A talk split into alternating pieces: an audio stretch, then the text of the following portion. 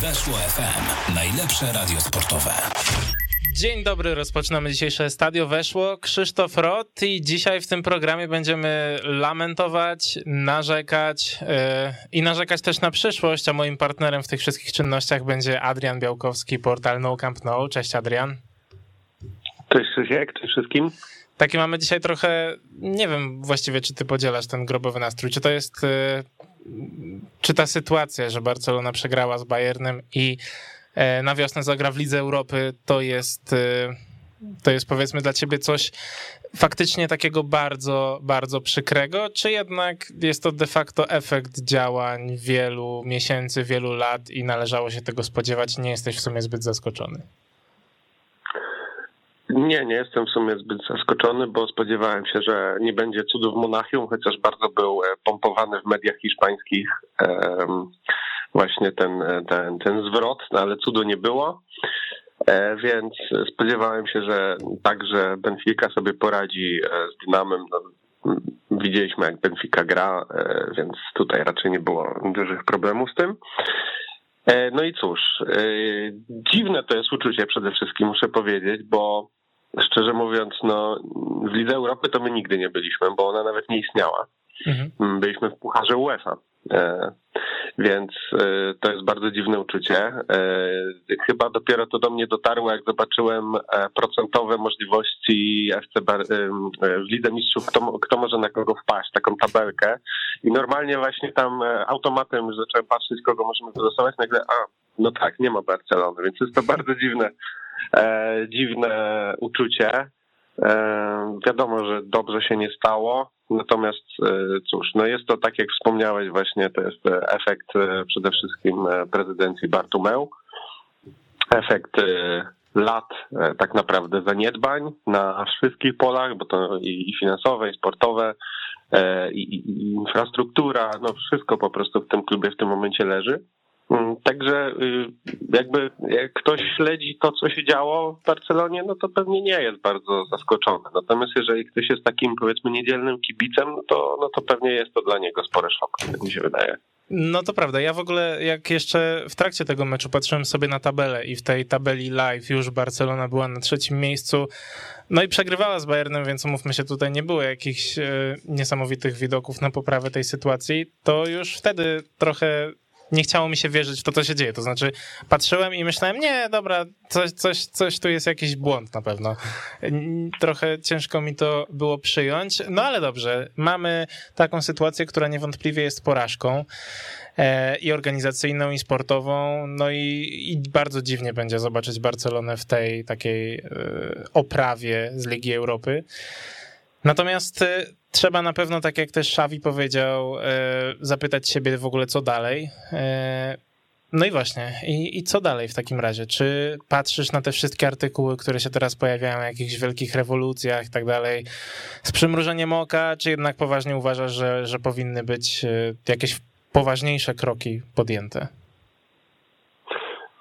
Tak, no bawią mnie te artykuły, szczerze mówiąc, o, o jakichkolwiek rewolucjach, bo my wszyscy sobie zdajemy sprawę z tego, że nie będzie żadnych rewolucji, dopóki nie pozbędziemy się piłkarzy.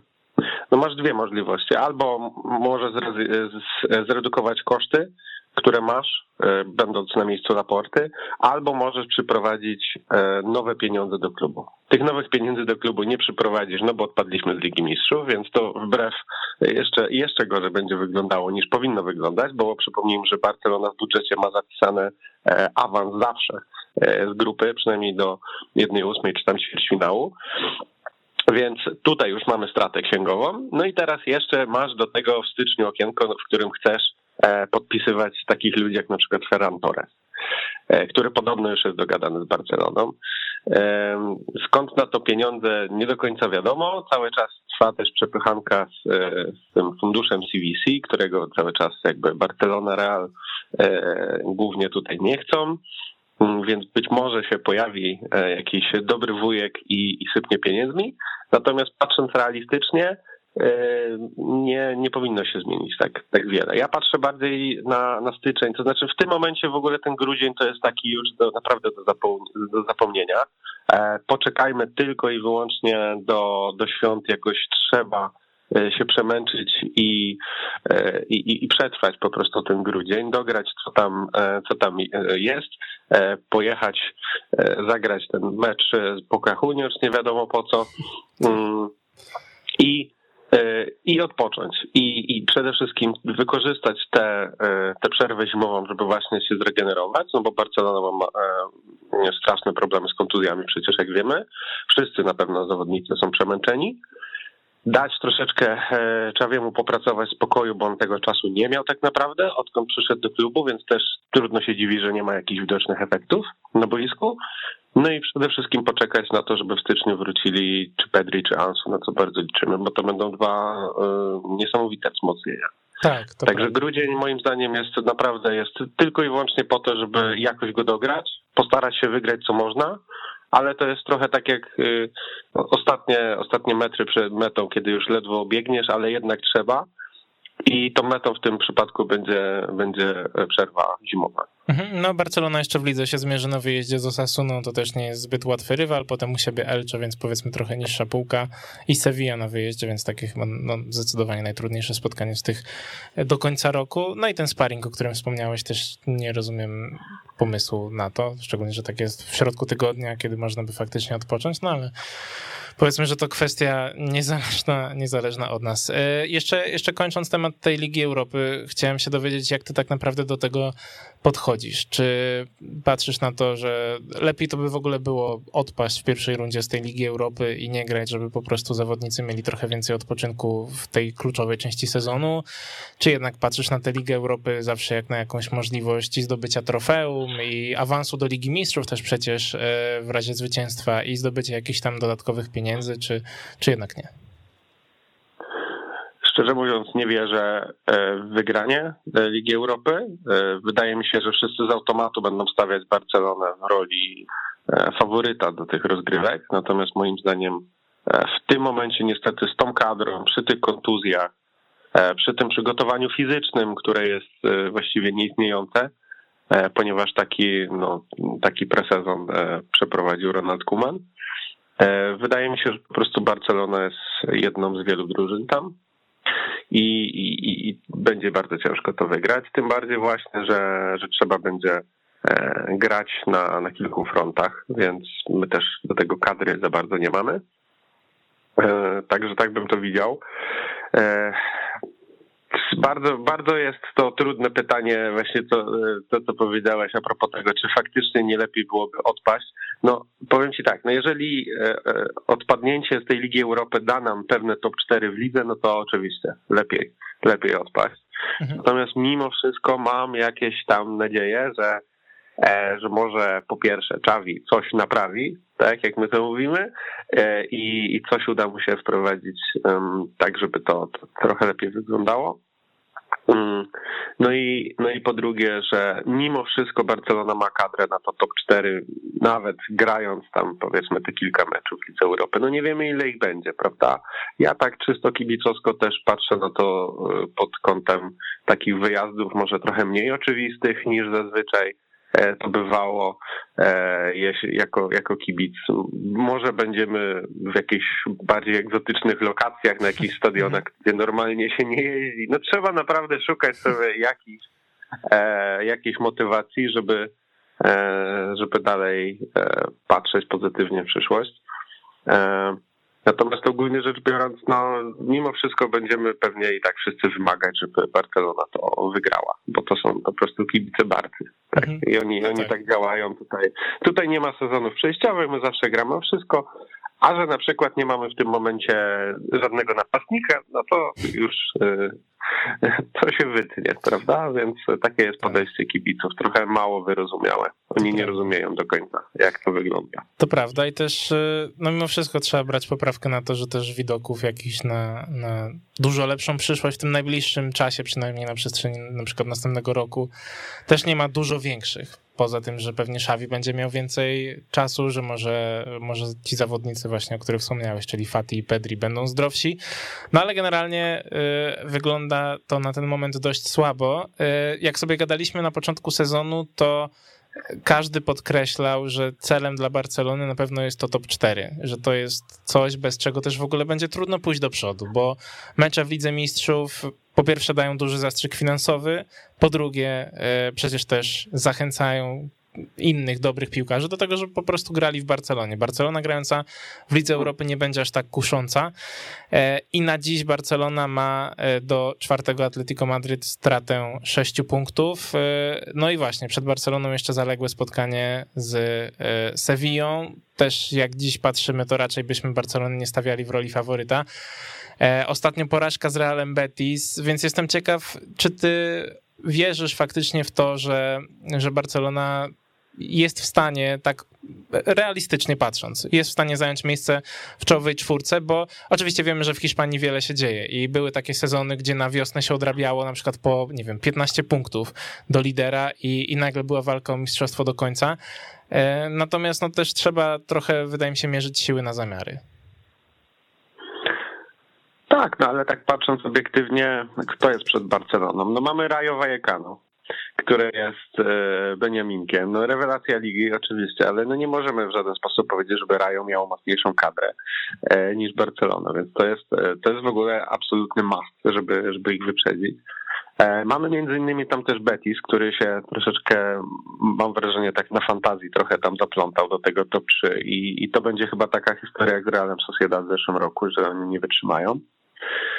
Mm, no i niestety właśnie mamy ten Real Sociedad właśnie, e, który niestety dla nas, mówię tutaj kibiców e, FC Barcelony, który ma dużo bardziej zorganizowany i przemyślany projekt i, e, i to może być problem faktycznie, żeby, żeby ich wyprzedzić.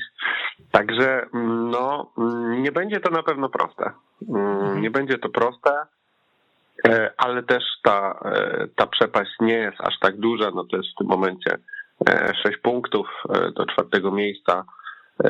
Wydaje mi się, że powinniśmy być w stanie to odrobić. No, tutaj troszeczkę mimo wszystko nie ma co przeceniać też tej La Liga, bo poziom La Liga jest no, taki sobie ostatnimi czasy, więc to nie jest tylko tak, że Barcelona jest słabsza, a cała liga jej odjeżdża. Nie, nie.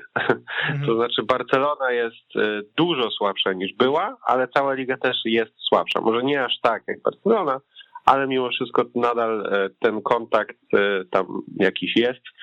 Także pod tym względem myślę, że, że powinniśmy być w stanie to zrobić. Ale, ale na pewno nie dałbym sobie ręki uciąć, że tak będzie, niestety.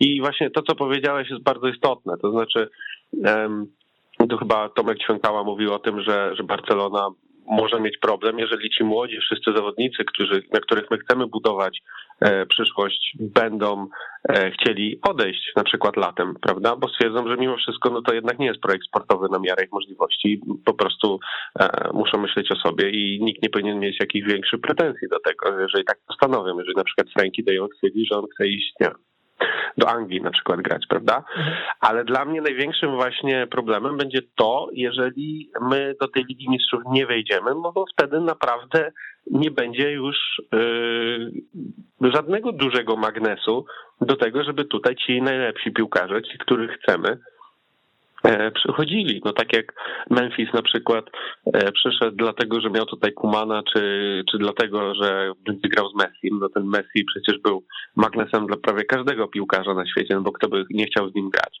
Tak teraz nie ma ani Messiego, ani właściwie nie ma nikogo w ataku takiego, ani właściwie to, jak sobie popatrzymy, to w ogóle nie ma tutaj żadnej wielkiej gwiazdy w tym momencie niestety. Mm, no i jeszcze granie w Lidze Europy w czwartki. Jedyną wtedy możliwością, e, żeby kogoś tak naprawdę przekonać, jest to, co robił Bartomeu, czyli po prostu dać mu tyle pieniędzy, ile chce. Mhm. Tak miało to miejsce, chociażby właśnie z tym Frankiem de Jongiem, co jak wiemy jest e, świetną e, polityką transferową i dzięki nie, niemu właśnie też mamy to, co mamy. No ale no tak poza tym, no to no ciężko. No, mhm. Barcelona, na pewno można sobie dużo followersów na Instagramie E, dać e, nowych, na pewno piękne miasto do życia, oczywiście fajna pogoda, oczywiście legendarny klub i tak dalej, no ale to są takie rzeczy raczej drugorzędne. Pieniędzmi już teraz też nikogo nie zwabimy tutaj, Także to jest naprawdę duży problem. Także ta Liga Mistrzów to jest najważniejsze, co może się e, przydarzyć w, w tym sezonie, jeżeli do niej nie wejdziemy oczywiście. No właśnie, jedną rzeczą jest to, o czym się ostatnio mówi, czyli Karim Adeyemi, który miał być e, jednym z celów Barcelony na zimowe okno transferowe, to na pewno by było bardzo dobre wzmocnienie, no bo, no bo ten atak po prostu trochę kuleje. I już też się po, pojawiły takie informacje, że on jednak woli trochę projekt Borussii Dortmund i też wydaje mi się, że raczej nie możemy go za to Właśnie, winić. właśnie o tym mówię, właśnie dokładnie o to mi Mhm, chodzi. tak, że taki właściwie tak naprawdę piłkarski no-name, umówmy się, Mhm. e, młody chłopak z potencjałem, ale przecież nie żadna gwiazda, e, może wybrać na przykład projekt Borussii Dortmund i wcale nie jest to e, nielogiczne, patrząc z jego strony. Prawda? Ty na jego miejscu pewnie też wolałbyś mimo wszystko iść do trochę może słabszego, mniej renomowanego klubu, ale się rozwijać niż iść do Barcelony i nie wiadomo na co tam trafić tak Mhm. naprawdę. Tak, to prawda. Ale dodatkowo taką informacją, która też wypłynęła w ostatnim czasie jest y, no, od, odnośnie, informacja odnośnie Ronalda Araujo, e, czyli zawodnika, który myślę, że w tym sezonie i w poprzednim zresztą też jest jednym z najlepszych piłkarzy Barcelony. No i pojawiły się informacje odnośnie tego, że mają go na oku jednak te angielskie kluby. Sam Ronald Araujo chciałby dostawać dużo pieniędzy, też nie, nie możemy go winić, no każdy z nas chciałby dostawać dużo pieniędzy. E, I też hiszpańscy dziennikarze mają wątpliwości, czy faktycznie Araujo przedłuży kontrakt z Barceloną, czy w ogóle podpisze nowy. E, Jeżeli na przykład, nie wiem, pojawi się Chelsea i zaoferuje mu 8 milionów netto, to Barcelona nie dość, że nie jest w stanie z tym konkurować, to też jest Chelsea mimo wszystko trochę pewniejszym projektem, więc y, czy ty tych takich młodych chłopaków, wiemy, że Gavi już w pewnym sensie udowodnił e, swoje przywiązanie do klubu, e, bo miała być oferta z Chelsea wpłacająca jego klauzulę, ona tam chyba wynosi 50 milionów. E, Fat i Pedri przedłużyli kontrakty, ale czy na przykład gdyby Araujo zdecydował się odejść za innym projektem, za pieniędzmi, czy ty go jesteś w stanie winić w ogóle, czy, czy po prostu no szkoda? Nie, no, nie można tego absolutnie w takich kategoriach e, obwiniania kogokolwiek e, rozpatrywać. E, To byłaby jego decyzja. Oczywiście, no to byłaby kolejna katastrofa dla klubu, bo to jest nasz zdecydowanie obrońca numer jeden w tym momencie. I tak naprawdę jedyny, powiedzmy, pewniak do tego, żeby budować na nim przyszłość obrony, bo poza nim nie ma ani jednego takiego nazwiska. Właściwie to gdybyśmy wszystkich pozbyli z obrony, e, to by się nic nie stało, łącznie z Piqué, z Jordi Malbą, e, być może z Erikiem Garcją, bo nadal nie wiadomo, co z niego będzie. A tu mamy absolutnego dzika, który już teraz zaczyna wyglądać trochę jak e, Van Dijk. I jeżeli kontuzje będą go omijać, to będzie jednym z najlepszych obrońców na świecie. No i on to wie. On to wie, jego agent to wie. E, Na pewno będą negocjować, na pewno będą chcieli dużo pieniędzy. No pytanie, czy, e, czy, czy właśnie będziemy w stanie mm, zaoferować mu jakąś, jakiś konkurencyjny kontrakt. No ja mam nadzieję, że tak. No mam nadzieję, że tak. Co do Gawiego, to martwię się mniej, no bo to wychowanek, poza tym to jest jeszcze przecież dzieciak tak naprawdę, więc e, on pewnie podpisze tak jak zrobił to Ansu, tak jak zrobił to Pedri e, na kilka lat, bo nawet jeżeli, nie wiem, podpisze kontrakt na 3 lata, to on za 3 lata będzie miał 20 lat, więc e, to nadal będzie młody chłopak, który będzie mógł wtedy nawet sobie poszukać innego klubu, jeżeli dalej w Barcelonie odpukać będzie tak samo źle, prawda? Natomiast Araujo, no Araujo to już jest e, zawodnik ukształtowany, to już jest zawodnik e, na poziomie, i, I co tu dużo mówić, no to już jest gwiazda, no to już jest gwiazda, ma 22 lata, to też jest duża różnica między nim a, a, a, a Gawim chociażby. Byłoby mi bardzo przykro, powiem szczerze, e, gdyby Araujo odszedł, bo e, to jest nie tylko świetny zawodnik, ale też e, bardzo widać poukładany chłopak i też on się tutaj dobrze czuje. E, On wiele razy już e, całował herb FC Barcelony, więc to też zobaczymy, jak to było z tym całowaniem, czy to było na pokaz, czy faktycznie czuje się e, tutaj dobrze. No i byłaby to wielka strata, gdyby odszedł. Mhm, tak, to, to prawda. Przechodząc już do takich, bo trochę tutaj e, przymulamy, że tak powiem, jesteśmy trochę, trochę negatywni. E, myślę, że o meczu z Bayernem nie będziemy rozmawiać, bo tutaj po prostu... Dziękuję. tak, nie, wydaje mi się, że nie da się, nie da się powiedzieć nic więcej niż to, co powiedział e, Thomas Müller bodajże, że Barcelona po prostu nie jest w stanie fizycznie rywalizować na najwyższym poziomie. I tyle, koniec, koniec historii. Mhm. E, wydaje mi się, że z każdą kolejną minutą było to coraz bardziej widać, że ta intensywność Bayernu jest, jest nie do przejścia i za każdym razem, gdy Bayern przyspieszał, to, to stwarzał zagrożenie, więc więcej chyba tutaj nie mamy nic do powiedzenia, e, więc wróciłbym na sekundę do tego meczu z Realem Betis, który nie był, mam wrażenie, zły w wykonaniu Barcelony.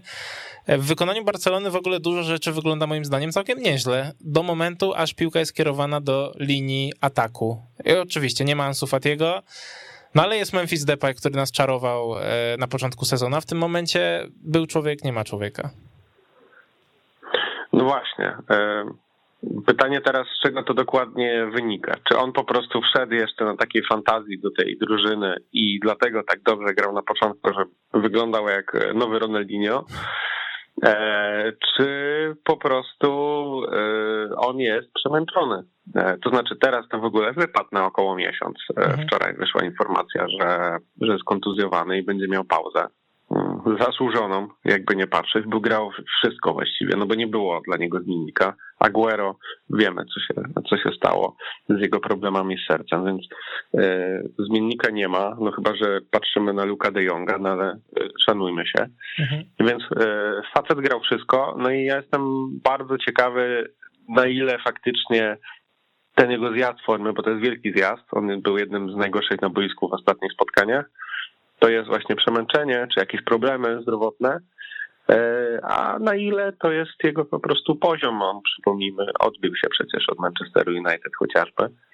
Dopiero w Lyonie się odbudował. Hmm. Wydaje mi się, że no, to, co on prezentuje, to też e, to nie jest przede wszystkim jego gra, jego pozycja. On wolałby mieć kogoś e, w tym ataku do pomocy. Ciężko. No, gdyby, gdyby Ansu wrócił, no to wyglądałoby to inaczej. A, a tak, jeżeli Memphis ma grać na dziewiątce, gdzie on tego po prostu nie potrafi robić, nie umie grać tyłem do bramki, e, no naprawdę nie, nie widzę tutaj dla niego przyszłości i wcale bym się nie zdziwił. Jeżeli będzie grał tak jak gra teraz, to nie zdziwiłbym się, jeżeli e, po tym sezonie będzie e, będzie chciał gdzieś odejść, albo klub w ogóle będzie chciał go mhm. zwolnić. Na pewno jest zawodnikiem, którego można by spieniężyć też, tak swoją drogą. No właśnie, przyszedł za darmo, więc y, co prawda kontrakt ma krótki, no ale jednak ma, e, bo to jest dwuletni, jeżeli dobrze pamiętam. Także tego lata będzie można coś na nim zarobić. No a ponieważ Barcelona no, nigdy się za bardzo nie bawiła w takie rzeczy, a teraz jest taka sytuacja, że musi, musi się trochę bawić i właśnie zarabiać to tu, to tam po parę milionów, no to kto wie, czy, e, czy nie będą chcieli go właśnie spieniężyć, jeżeli ten eksperyment nie wypali, no ale mimo wszystko ja trzymam jeszcze e, kciuki, żeby się tutaj u nas zaklimatyzował. Dobra, a jeszcze idąc trochę dalej y, w przeszłość, pojawiły się też takie pytania w kontekście trochę też tego meczu z Villarrealem.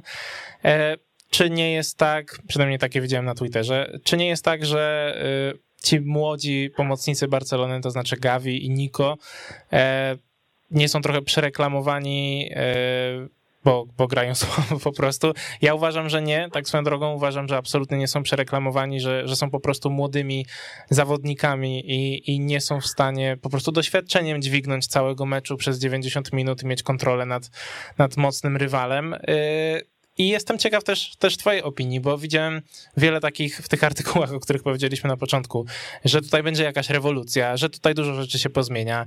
E, to zawsze, jak patrzyłem na środek pola, to ten środek pola składał się z trzech zawodników: z Nico, z Gaviego i z Pedriego, czyli ze środka pola, który, którego średnia wieku wynosi 18,3 roku.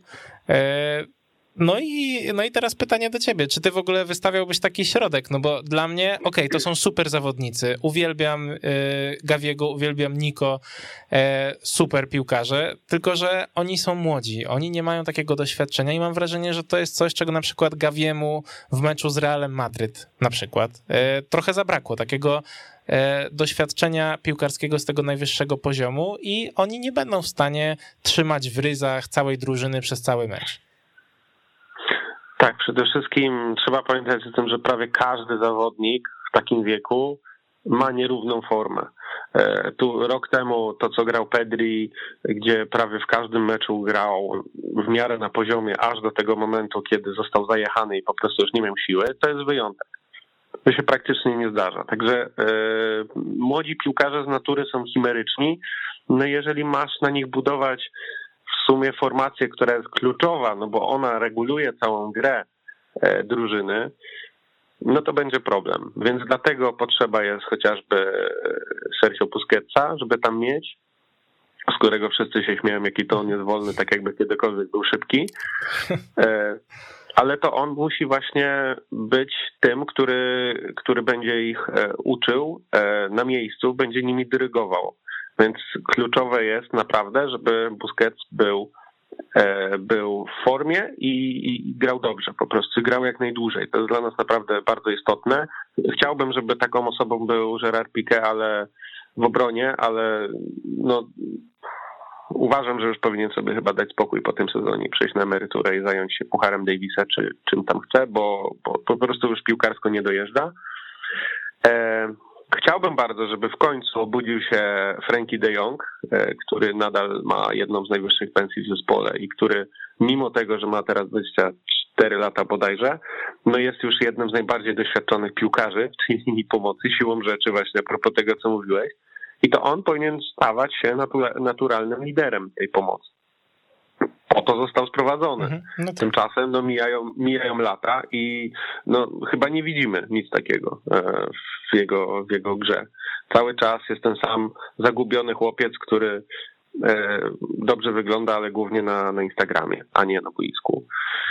E, także nie da się budować na tych trzech piłkarzach, co powiedziałeś, tylko i wyłącznie. Oni oczywiście będą, będą w przyszłości stanowili o, o jakości tej drużyny, ale no nie można tak po prostu, no nie da się. Więc jeżeli, nie wiem, sprzedamy Frankiego, albo on będzie chciał odejść, albo na przykład Busquets będzie, e, będzie już się nie nadawał do, do grania, albo stwierdzi po prostu, że już jest zmęczony i szuka innych wyzwań, to trzeba wtedy jakichś weteranów będzie sprowadzić. No, to, że mhm. nie może to tak wyglądać, że gramy nastolatkami, no po prostu się nie da. A czy oni są przereklamowani? Bardzo trudne pytanie. W tym momencie nam się wydaje, że nie. Ja jestem fanem każdego z nich. E, każdy z, e, z tej trójki, Nico, Gavi, Pedri, to jest niesamowity talent.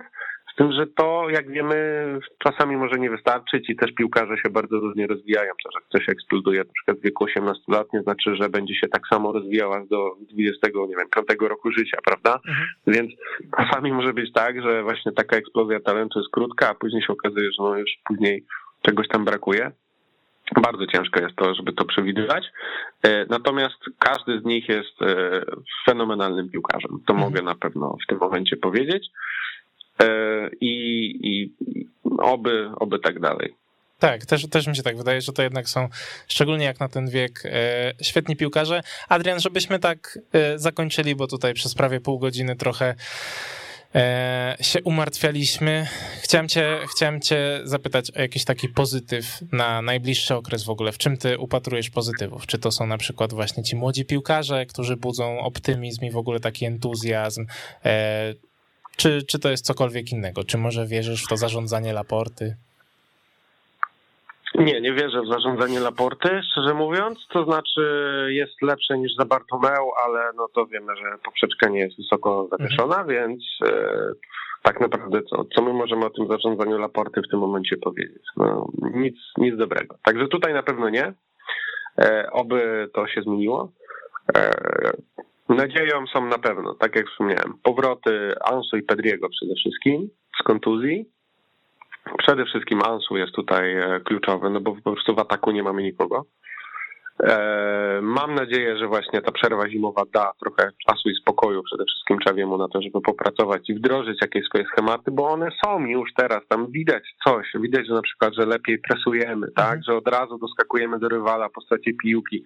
Są jakieś właśnie takie pomysły na przykład grania trochę dłuższych piłek, trochę bardziej takich bezpośrednich. E, to jest super, no ale to, na to wszystko trzeba czasu. E, poza tym, no cały czas y, mówi się, że tutaj na 90 parę procent przyjdzie ten chociażby Ferran Torres. Ja cały czas w to trochę nie wierzę, mhm. ale no, gdyby przyszedł, to mimo tego, że no nie jestem jakimś niesamowitym fanem tego piłkarza, uważam, że troszeczkę jest przereklamowany, to mimo wszystko jest oczywiście bardzo dobrym piłkarzem i i, i też na, może grać na, na skrzydłach, może grać i, i w środku, jak trzeba będzie, e, więc to jest ktoś, kto jest nam bardzo potrzebny. Mm. No i chyba na tym e, te pozytywy się kończą. Także na razie E, wiele więcej, to, to tego nie widzę, mhm. niestety. No, rozumiem. No, taki... chciałbym, chciałbym, chciałbym na przykład powiedzieć, że żeby może Ter Stegen e, odzyskał swoją dawną formę i głowę, bo jest jednym z najgorszych bramkarzy w La mhm. Liga w tym momencie i trzeba to obiektywnie powiedzieć. E, no ale też w to nie wierzę niestety. Mhm. Więc tutaj, tutaj raczej tego nie będzie.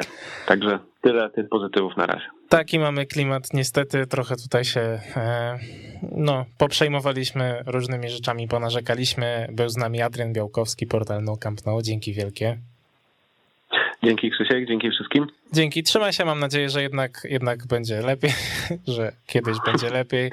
E, kiedyś będzie na pewno. Kiedyś na pewno będzie, tak. E, ja was zapraszam na krótką przerwę i za chwilę wracamy na antenę. Weszło FM. Najlepsze radio sportowe. I wracamy na antenę Weszło FM. Jest z nami Maciej Leszczyński, portal realmadryt.pl. Cześć Maciej. Dzień dobry. Jesteś na pewno w dużo lepszym nastroju niż mój rozmówca sprzed chwili. Gadaliśmy z Adrianem Białkowskim e, o sytuacji w Barcelonie, więc tutaj zakładam, że, że humory są zgoła odmienne. E, na porządek właśnie możecie zapytam o to, co się działo ostatnio. E, Real Madryt dość spokojnie, mam wrażenie, pokonał Inter, zapewniając sobie pierwsze miejsce w grupie. E, I rozstawienie. Trochę myślę, humory kibicom królewskich mogła zepsuć Chelsea, e, która no niespodziewanie zremisowała z Zenitem, przez co też Real może trafić właśnie na Londyńczyków e, w następnej fazie.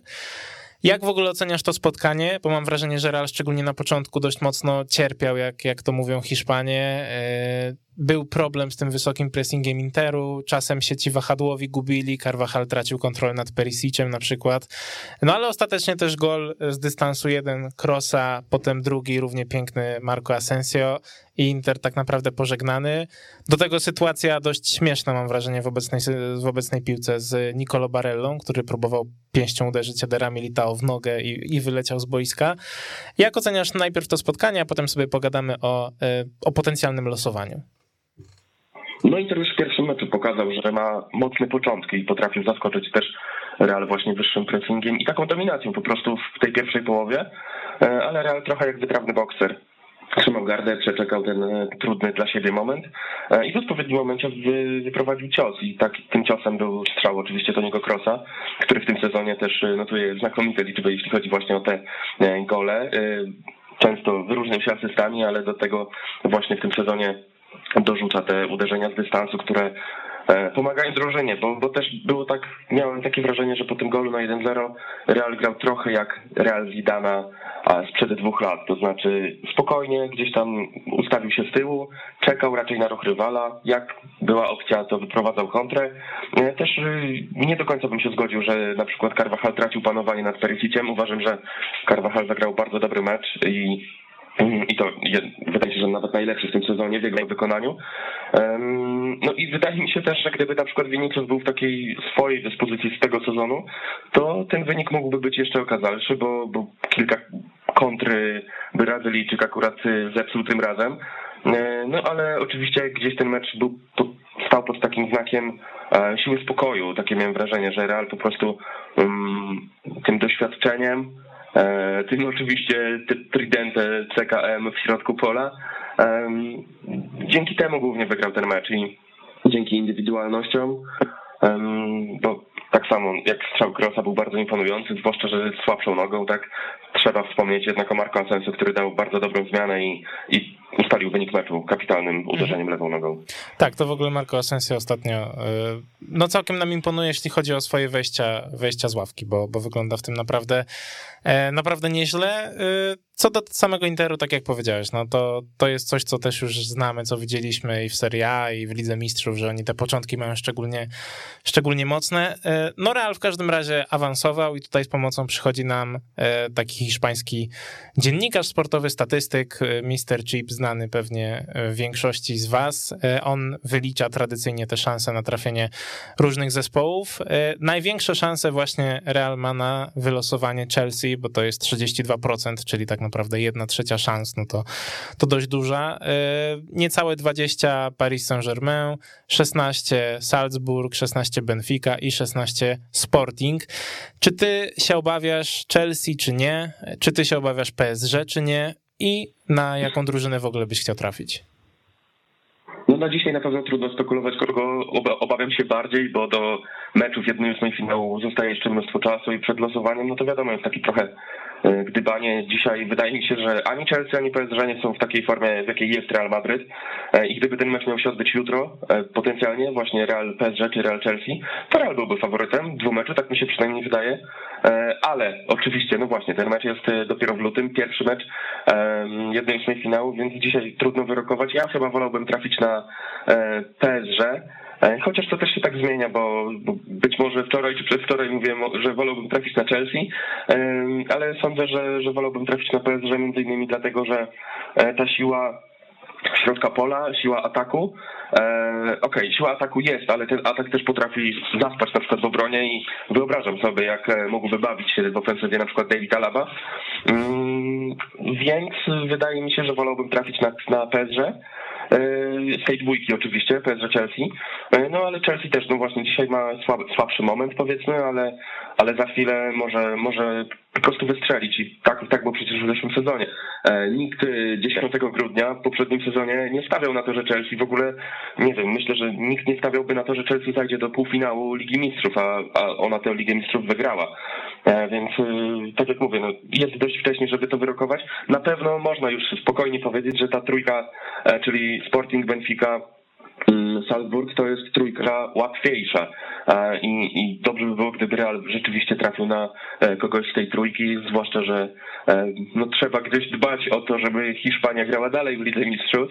E, i na pewno jako E, jako powiedzmy częsty gość twojej audycji, no nie chciałbym, żeby Hiszpania wypisywała się po prostu z tych rozgrywek e, tak wcześnie, bo mimo jakiejś tam, jakiegoś tam uśmieszku powiedzmy z powodu odpadnięcia Barcelony z Ligi Mistrzów, no na pewno dobrze, kiedy, kiedy ta liga jest silna i kiedy znaczy coś w Europie i kiedy te kluby coś znaczą, dlatego na przykład um, miałem wczoraj taką zagwozdkę, kiedy Atalanta podejmowała Villarreal komu kibicować. Z jednej strony Atalancie zwycięstwo dawało awans i potencjalnie dołączyłaby do, do tego grona e, rywali Realu Madryt w ósmej finału, no ale z drugiej, no właśnie ten Villarreal mm, też w jakiś sposób no, już teraz jest reprezentantem Hiszpanii w jednej ósmej finału. Oczywiście Real nie może na, trafić na, na Villarreal, ale no, w jakiś sposób cieszy mnie to, że, że Villarreal mimo wszystko się dostał, nie poszedł śladami e, Sewilli i Barcelony. Tak, ja też się z tego cieszę, bo to jednak zawsze lepiej, jak są te trzy hiszpańskie drużyny w Lidze Mistrzów kręcę dalej niż, niż dwie, niż jedna, a przecież był taki moment, że myśleliśmy, że to będzie tylko,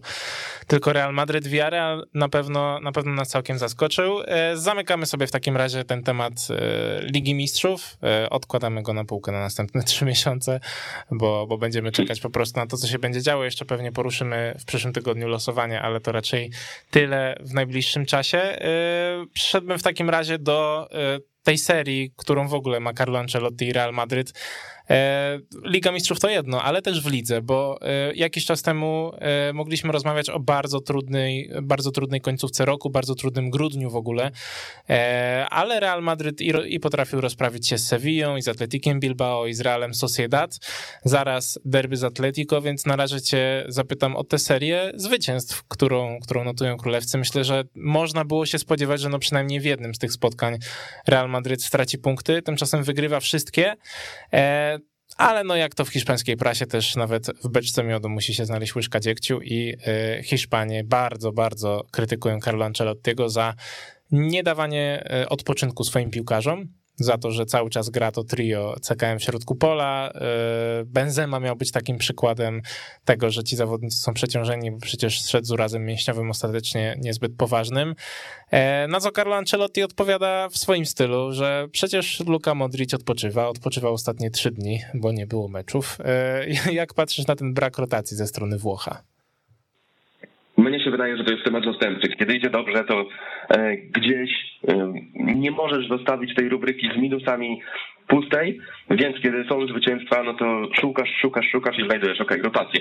Bo rozumiałbym, gdyby na przykład w ciągu tych kilku ostatnich meczów pojawiały się kontuzje, kontuzje mięśniowe, głównie kontuzje zmęczeniowe e, i wtedy naturalnie oczywiście trzeba by rozmawiać o tym, że nie było rotacji i być może to dlatego. Oczywiście jeden przykład Karima Benzemy o niczym nie świadczy, bo równie dobrze e, mógł nie grać dwa miesiące, wejść na boisko i nagle doznać tego urazu, więc wydaje mi się, że to nie był uraz zmęczeniowy, bo kiedy taki uraz też następuje e, w 16 minucie, bo w startu w San Sebastian mniej więcej właśnie w takim momencie Karim tego urazu doznał, no to wydaje mi się, że to nie był kłopot e, zmęczeniowy. E, rzeczywiście Karim akurat grał w tym sezonie trochę za dużo, bo czasami trzeba było według mnie go zdjąć troszkę wcześniej, ale wiadomo, że kiedy jest mecz e, powiedzmy otwarty, no to Karim też ma swoją ambicję po prostu, zwłaszcza, że bez Cristiano od tych kilku sezonów to on jest postacią numer jeden w ataku. Być może to też jest jego taki lasy dance, jeśli chodzi o to, że właśnie jest tą postacią numer jeden w ataku, no bo już teraz powoli wygryza go z tej roli Vinicius, za chwilę będzie też Kylian prawdopodobnie, więc, e, więc jestem w stanie też to zrozumieć, że piłkarze chcą grać i, i wydaje mi się, że nawet właśnie w przypadku Luki Modricia, mm, który zagrał z Interem e, pełne spotkanie, no to tak jak my czasami mam wrażenie z perspektywy kanapy powiedzmy, z perspektywy przed telewizorem, czasami chyba też nie doceniamy tego, co dzieje się na treningach, bo jeśli, jeśli Antonio Pintus wejdzie na trening, zarządzi po prostu bardzo trudny, bardzo ciężki trening, no to piłkarze mogą wyglądać wtedy na zajechanych, no ale jeśli te, te, te treningi pomiędzy meczami co trzy dni są lekkie, no to wydaje mi się, że też jesteśmy w stanie zminimalizować ryzyko tych urazów. I to, co mówi Carlo Ancelotti, Modric odpoczywał trzy dni, ja wierzę w to, że te treningi po prostu są e, trochę bardziej e, trochę bardziej stawia Carlet, to tak mi się wydaje, na, na gierkę, bardziej na oddawanie strzałów, bardziej na regenerację, odpoczynek, e, a nie na ciężką pracę na siłowni, robienie sprintów i tak dalej, i tak. Więc na dzisiaj myślę, że to nie jest żaden powód do, do zmartwień. Zwłaszcza, że no w tym trudnym okresie, mimo wszystko, wyleciał m.in. Fede Valverde, który dla mnie jest takim piłkarzem numer 12 w tej, w tej kadrze, bo też często zastanawialiśmy się, nawet, nawet kiedy wszyscy byli zdrowi jeszcze za Zidana, często zastanawialiśmy się, kiedy nastąpi ten moment, że Fede Valverde wygryzie Lukę Modricza z pierwszej jedenastki, no ale widzimy też to po Modriciu, że on po kilku meczach, kiedy powiedzmy spisywał się tak sobie, to znaczy trudno było go jakoś oskarżać o, o błędy, ale jednocześnie nie pokazywał nic specjalnego, no z Interem spisał się się dobrze, grał jednak już też na, na 100%, bym powiedział. Nie było widać, żeby grał na pół gwizdka. Więc trudno, trudno spekulować tutaj, czy Valverde powinien był dostać szansę, czy nie, bo wyniki się bronią i kiedy, jak nie teraz, Carlo ma nie rotować, to znaczy no, w takich meczach jak Sevilla, Atletic Sociedad, Inter w jednym tygodniu, teraz Atletico, to znaczy nie wszystkie w jednym tygodniu, chodzi mi o brak jakby mhm. przerwy tygodniowej pomiędzy nimi, no to, no to to jest taki moment, kiedy po prostu nie ratujesz, kiedy jak, jak ci żre, no to, to stawiasz na tych samych piłkarzy i, i idziesz z nimi e, w ogień. Tak, no e, prawda też jest taka, że Real Madryt przecież gra co trzy dni, tak, czyli e, to była Sevilla, to był Atletic, to był Sociedad, zaraz potem Inter, no i teraz, e, teraz w niedzielę mecz z Atletico, jeżeli dobrze pamiętam, tak, w niedzielę. No więc, więc generalnie powiedzmy, że ja się zgadzam, że można trzymać się tego samego, tego samego składu, bo, bo on faktycznie po prostu daje jakość. Natomiast y, jeżeli sobie spojrzymy na to, kogo ma na ławce Carlo Ancelotti, no to po pierwsze Marco Asensio mam wrażenie też robi właśnie w ostatnim czasie dobrą, dobrą robotę, dobre wrażenie wchodząc z ławki, ale do tego mamy tego Kamawingę, mamy Fede Valverde, o którym wspomniałeś. To są też piłkarze, którzy mogą bardzo dob dobre rzeczy wnieść. I pytanie, czy tobie się podoba taki, e, takie nastawienie Carlo Ancelottiego, jeśli chodzi o spotkania, że właśnie on ma to, chce mieć to 60 minut takiej dominacji czysto piłkarskiej, korzystając właśnie z walorów, czy to Krosa, czy Modricia, e, czy też umiejętności Casemiro i tak dalej. I dopiero potem wpuszcza takich zawodników jak Fede, czy jak Kamavinga, którzy wnoszą tę intensywność i są w stanie w końcówce też zrobić sporo dobrego. Czy jednak mimo wszystko oczekiwałbyś tego, że, żeby ci zawodnicy po prostu też grali częściej, no bo na ten moment nie chcę powiedzieć, że są przyspawani do ławki, bo w prawie każdym meczu wchodzą, no ale często dostają na przykład, nie wiem, 5-10 minut. Raz jak Fede dostał 30, to to było duże wydarzenie, mam wrażenie. No, wiadomo, że czasami dobrze by było, żeby jak ci gracz wszedł na przykład 10-15 minut wcześniej. Natomiast wyniki na razie bronią Ancelottiego i, i Real nawet kiedy prowadził, tych zwycięstw w ostatnich tygodniach nie wypuszczał z rąk, więc więc po prostu Carlo też dobrze pilnuje tych wyników, między innymi swoimi zmianami. No i mam taką obawę, że jeśli wpuści gracza tylko po to, żeby ktoś dostał po prostu minuty, no to może coś pójść nie tak. I to oczywiście z jednej strony pokazuje brak aż tak dużego zaufania tego do tych zmienników, i zaufanie jednocześnie do tych graczy pierwszej jedenastki. No ale wyniki go bronią, więc dzisiaj dla mnie to jest taki temat, że no, jak długo można rozmawiać o tym, że ktoś powinien grać 10, 5, 10, 15 minut dłużej w jakimś meczu? No mnie się wydaje, że że ten temat się trochę wyczerpuje, zwłaszcza, że Kamavinga też miał swoje problemy zdrowotne. Pamiętamy, że tam na y, reprezentacji jakiś czas temu nie wystąpił nawet w żadnym meczu, mimo że pojechał na zgrupowanie. Fede Valverde też jednak ponad miesiąc nie grał w piłkę po tym, jak y, Spique się starł w klasyku i i tak naprawdę nie był gotowy nawet do, do gry przez taki mhm. czas, więc też świetnie, że akurat trio CKM na przykład, bo głównie o nim rozmawiamy, kiedy mówimy o rotacjach. Nikt nie domaga się tak. rotowania Viniciusa, żeby żeby, żeby grał Azart na przykład. Mówimy cały czas o tym CKM, między innymi oczywiście ze względu na doświadczenie Modricia i Krosa i ich wiek, no ale ale wyniki się bronią i kiedy Valverde, Kamavinga nie byli gotowi, e, wydaje mi się, że Kamavinga też miał taki okres, że nie był gotowy do gry od pierwszej minuty po prostu e, pod względem formy piłkarskiej. No ale no, no cóż, wydaje mi się, że Ancelotti podejmuje bardzo rozsądne i dobre decyzje, co pokazuje po prostu 8 meczów wygranych z rzędu. Mhm. Mm, tak, to, to jeszcze tylko na koniec cię zapytam, już też kończąc ten temat rotacji, ile można o tym rozmawiać. E, czy nie masz trochę obaw, bo to jest coś, co mam wrażenie też się najczęściej przewija wśród kibiców Realu Madryt, czy nie masz obaw o ten okres powiedzmy lutego, marca, e, gdzie będzie natłok spotkań i też na pewno będzie czuć to, że ci piłkarze mają już dużo, dużo w nogach, bo przecież tak było, tak wspominamy właśnie ten sezon 14-15 e, za Carlo Ancelottiego, gdy Real Madryt z jednej strony grał fenomenalnie i na przełomie roku miał serię 22 zwycięstw z rzędu, to był chyba wówczas w ogóle rekord klubowy, e, a ostatecznie skończył z niczym, ponieważ e, te kluczowe mecze w tym kluczowym okresie zaczął przegrywać w dużej mierze dlatego, że przytrafiły się jakieś kontuzje i były problemy zdrowotne i ci piłkarze byli przemęczeni, no i widać było, że nie mieli sił.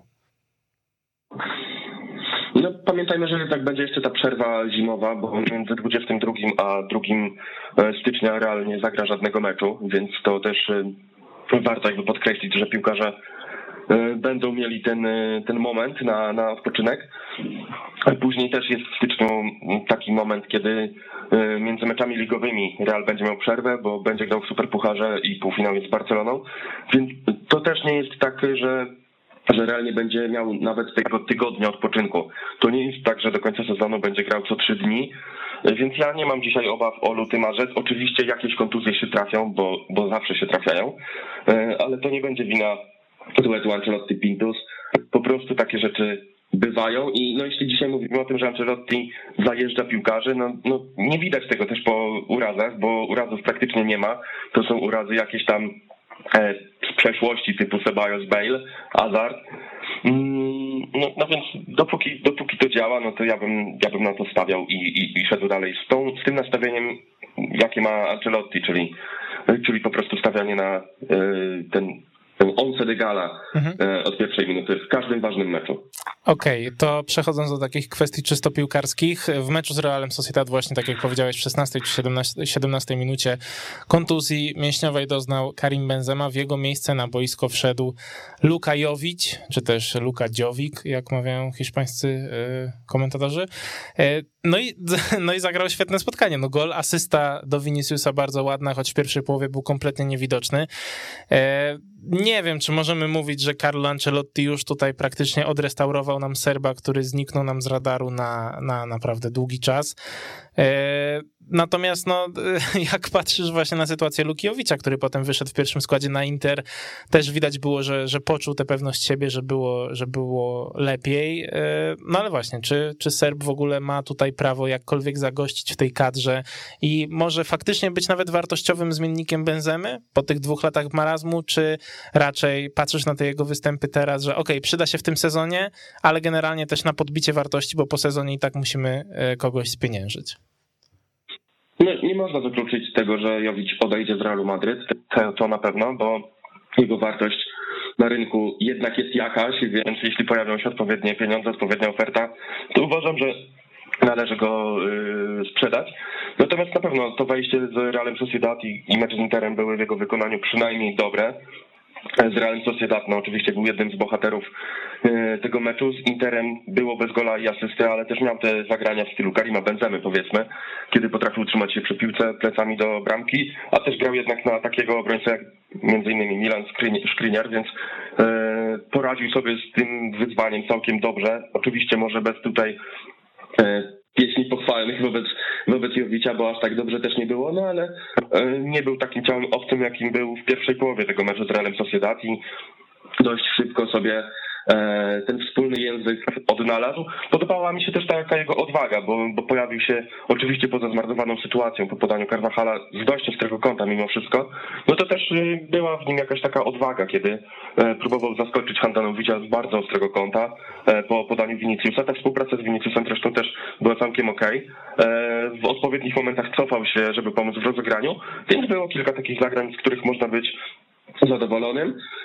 No ale oczywiście, no, z Karimem Benzemą się nie rywalizuje, bo Karim Benzema jest najlepszym napastnikiem dla Realu Madryt, jaki urodził się e, w tym przedziale wiekowym, który może, który, który powoduje, że możesz grać w Realu Madryt, więc absolutnie nie wierzę w to, że może wygryźć Karima Benzemę, ale na pewno kiedy Karim będzie odpoczywał, nie wiem, na przykład w meczu mm, z Cadizem e, w przyszłą sobotę po derbach Madrytu, no to, to czemu nie? To ja myślę, że to jest taki moment, kiedy można rotować nawet właśnie Karimem Benzemą. Y, jestem trochę zaskoczony i może nawet oczarowany tym, że Lukajowicz nie grając praktycznie w ogóle wszedł i dość szybko odnalazł ten wspólny język z resztą drużyny. Mhm, tak, to bardzo, bardzo na pewno pozytywna wiadomość. E, na sam koniec, e, dlatego mam do ciebie pytanie o, o nadchodzące właśnie derby Madrytu. Po pierwsze, czy byś ryzykował potencjalnie, wiem, że tam się pojawiły informacje, że Karim sam przekazał, że, że on się czuje dobrze, że może grać. Czy jakkolwiek byś próbował forsować występ Karima Benzemy z Atletico. E, no i przede wszystkim, jak w ogóle patrzysz na, na, na mecz z Atletico, czego sobie po nim, e, co sobie po nim e, obiecujesz, czego oczekujesz, bo wiemy, że Atleti ma spore problemy w defensywie. Tam zdrow, ze zdrowych obrońców to jest bodajże tylko Felipe, Lodi i, yy, i Hermoso ta trójka, wydaje mi się, że to, to są zdrowi piłkarze. Salko teraz wypadł, więc pewnie Marco Llorente zagra gdzieś tam na prawej stronie obrony. E, więc no są problemy. Atletico też nie imponuje ostatnio formą, choć Sporto e, zdołali wygrać. E, więc właśnie, czy po pierwsze forsowałbyś występ Karima Benzemy, po drugie, czego tak naprawdę oczekujesz po tym meczu? Mm, odpowiedź na pierwsze pytanie jest prosta, to znaczy nie, nie forsowałbym, y, nie ryzykowałbym zdrowiem Karima Benzemy w żaden sposób. To znaczy, jeśli on jest gotowy na 100%, to ok, niech gra, ale jeśli jest gotowy na 98-9%, to, to nie. E, uważam, że sytuacja w lidze jest na tyle komfortowa, że Karim jeszcze się może przydać, a nawet jeśli być może właśnie jest gotowy, żeby zagrać, nie wiem, 30 minut, to ja i tak raczej e, trzymałbym go na ławce albo nawet poza kadrą meczową. Zwłaszcza, że teraz mamy później cały tydzień na odpoczynek przed meczem z Cadizem. E, no a ta sytuacja w lidze jest po prostu bardzo komfortowa i Real Madryt y, ma na tyle dużą przewagę nad resztą stawki, że tak właściwie może sobie pozwolić na remis z Atletico. Nie chcę mówić, że może sobie pozwolić na porażkę, bo, bo to jednak nie ta mentalność e, i nie ten klub, ale, ale sądzę, że, że moje przewidywania wobec tego meczu z Atletico są jednak takie, że Atletico wyjdzie jednak bardzo zmotywowane, tak jakby walczyło o życie Real z powodu tej sytuacji w lidze może, y, może trochę nawet zbyt, zbyt zrelaksowany podejść do tego spotkania. Taka jest moja też obawa mm, o ten mecz.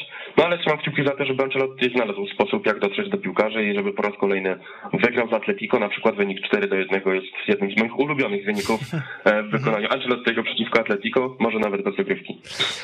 Tak, to, to zdecydowanie prawda. Atletico też myślę, że ma świadomość tego, jak ważne jest to spotkanie, no bo e, oni mają zaległy mecz, w tym momencie 10 punktów straty do Realu, no ale jeżeli wygrają zaległy mecz, wygrają derby, no to to już są tylko 4 punkty straty, więc liga jak najbardziej jest otwarta myślę, że myślę, że możemy sobie na tym powoli zakończyć. Na pewno się będzie, będzie działał w ten weekend. Ja sobie wiele po tym meczu, w ogóle po, po meczach La Ligi w ten weekend obiecuję. Y, dziękuję Ci bardzo, Maciej, za dzisiaj. Był z nami Maciej Leszczyński, portal realmadryt.pl. Dziękuję. Dzięki wielkie. Y, dziękuję Wam również, drodzy słuchacze. Słyszymy, słuchy, słyszymy się tradycyjnie za tydzień. Pozdrawiam, Krzysztof Rot, to było Stadio Weszło. Gol! Gol! Gol! Weszło! Weszło! Weszło!